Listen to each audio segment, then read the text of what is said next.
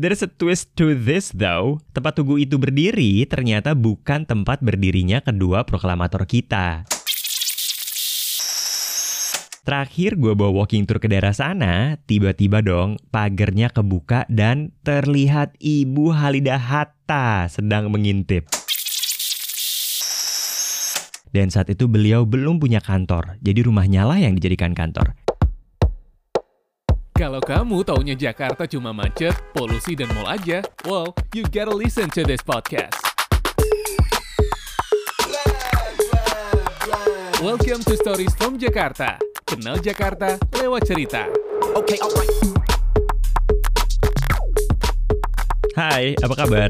Selamat datang di season kedua dari podcast Stories from Jakarta barengan sama gue Farid. Musim kedua Stories from Jakarta pas banget nih dimulai pas bulan kemerdekaan negara kita ya. Jadi gue mau mengucapkan selamat hari kemerdekaan ke-76 untuk tanah air gue Indonesia. Semoga kemerdekaan menjadi hak semua warganya. Salah satu hal yang membuat gue merasa beruntung tinggal di Jakarta adalah karena sebagai ibu kota nih, Jakarta punya banyak banget situs bersejarah yang berhubungan dengan perjuangan kemerdekaan. Ada Museum Perumusan Naskah Proklamasi di Menteng, ada Gedung Juang 45 yang dulunya asrama mahasiswa menyusun pergerakan, ada juga Gedung Antara di Pasar Baru tempat menyiarkan berita kemerdekaan ke luar negeri. Tapi kali ini gue mau cerita tentang rumah-rumah beberapa tokoh yang menjadi founding father-nya Indonesia. Well, nggak semua sih, karena banyak ya. Tapi ada beberapa yang biasanya gue lewatin kalau bawa tour. Gue selalu berharap kalau rumah Bung Karno tempat proklamasi dibacain itu tuh masih berdiri. Tapi ya udahlah ya. Konon beliau juga sih yang minta rumahnya dihancurkan, jadi we have to live with it. In case lo belum pernah ke Tugu Proklamasi, lokasinya itu ada di daerah Menteng. Kalau kita dari arah Cikini Raya, nanti akan ketemu perempatan tuh yang di pojokan sebelah kirinya ada bioskop Metropol. Nah, dari lampu merah itu ke kiri, terus langsung belok kanan ke Jalan Proklamasi.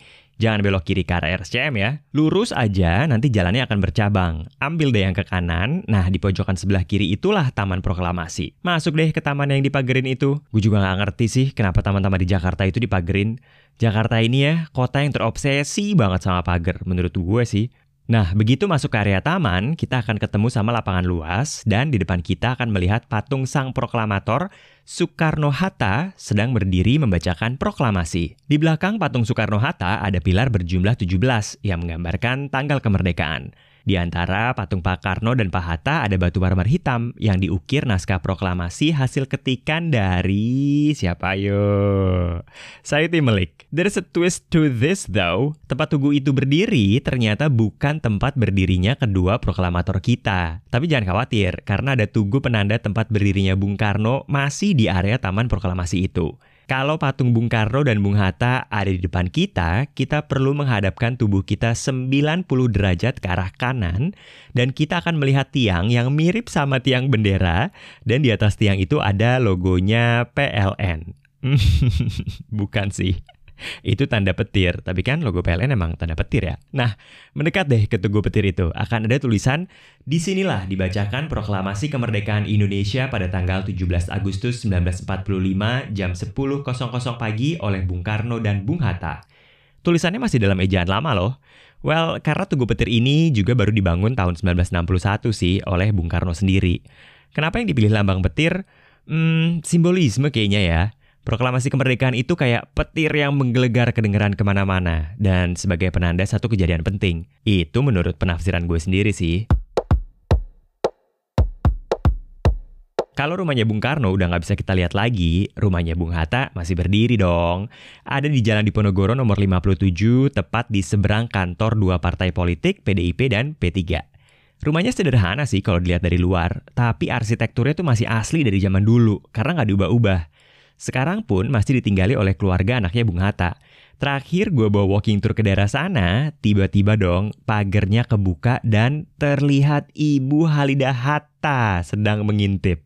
Wah, gue agak starstruck sih.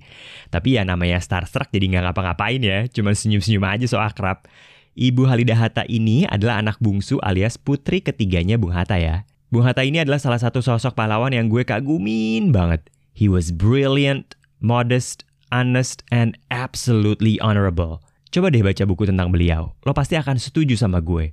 Bahkan gak jarang tuh gue mewek terharu kalau nonton dokumenter tentang beliau. Kadang gue mikir, Kalau beliau masih hidup dan aktif di masa sekarang, what would he say ya ngelihat republik yang diperjuangkannya menjadi seperti sekarang ini? Anyway, di rumah Bung Hatta ini juga terdapat ribuan koleksi buku-buku beliau karena beliau adalah seorang avid reader. Bahkan konon ketika beliau diasingkan, yang selalu dibawanya adalah buku-bukunya. Ketika beliau menikah pun, mas kawinnya buku tulisannya sendiri berjudul Alam Pikiran Yunani. That's how crazy he was about books. Oh iya, rumahnya ini ada di pinggir jalan besar, jadi kalau lo lewat, tetap akan kelihatan. Kapan-kapan lewat situ deh. Siapa tahu juga lo bisa ketemu sama Ibu Halida Hatta kayak gue waktu itu. Rumah ketiga yang mau gue ceritain adalah rumah dari sosok pahlawan yang sering diperlakukan agak underrated sebenarnya ketika kita ngomongin tentang sejarah proklamasi kemerdekaan. Padahal jasa beliau besar sekali. Beliau yang menjemput Bung Karno dan Bung Hatta dari Rengas Dengklok dan menjaminkan kegolongan yang lebih muda kalau proklamasi akan segera terjadi. Ketika penulisan naskah proklamasi di Rumah Maeda yang sekarang jadi Museum Rumusan Naskah Proklamasi, beliau juga hadir. Bahkan termasuk yang duduk satu meja bareng sama Bung Karno dan Bung Hatta menyusun naskah yang mengubah sejarah Indonesia. Namanya adalah Ahmad Subarjo. Rumah Pak Ahmad Subarjo ini ada di Jalan Cikini Raya nomor 82. Letak persisnya ada di seberang warung Ampera Dua Tak, masakan Sunda yang selalu rame zamannya sebelum Covid. Enak sih. Rumah Pak Ahmad Subarjo ini bergaya neoklasik dan dari pinggir jalan Cikini Raya juga kelihatan jelas. Walaupun udah tua, masih terlihat sisa-sisa kecantikannya. Suatu hari nih, gue pernah dong masuk ke teras depannya dan ngetok-ketok pintunya. Karena waktu itu tuh gue mau minta izin untuk menjadikan rumahnya sebagai salah satu tempat berhenti untuk walking tour kemerdekaan. Tapi nggak ada orang sih. Akhirnya gue coba dong jalan ke belakang, karena pagarnya nggak ditutup.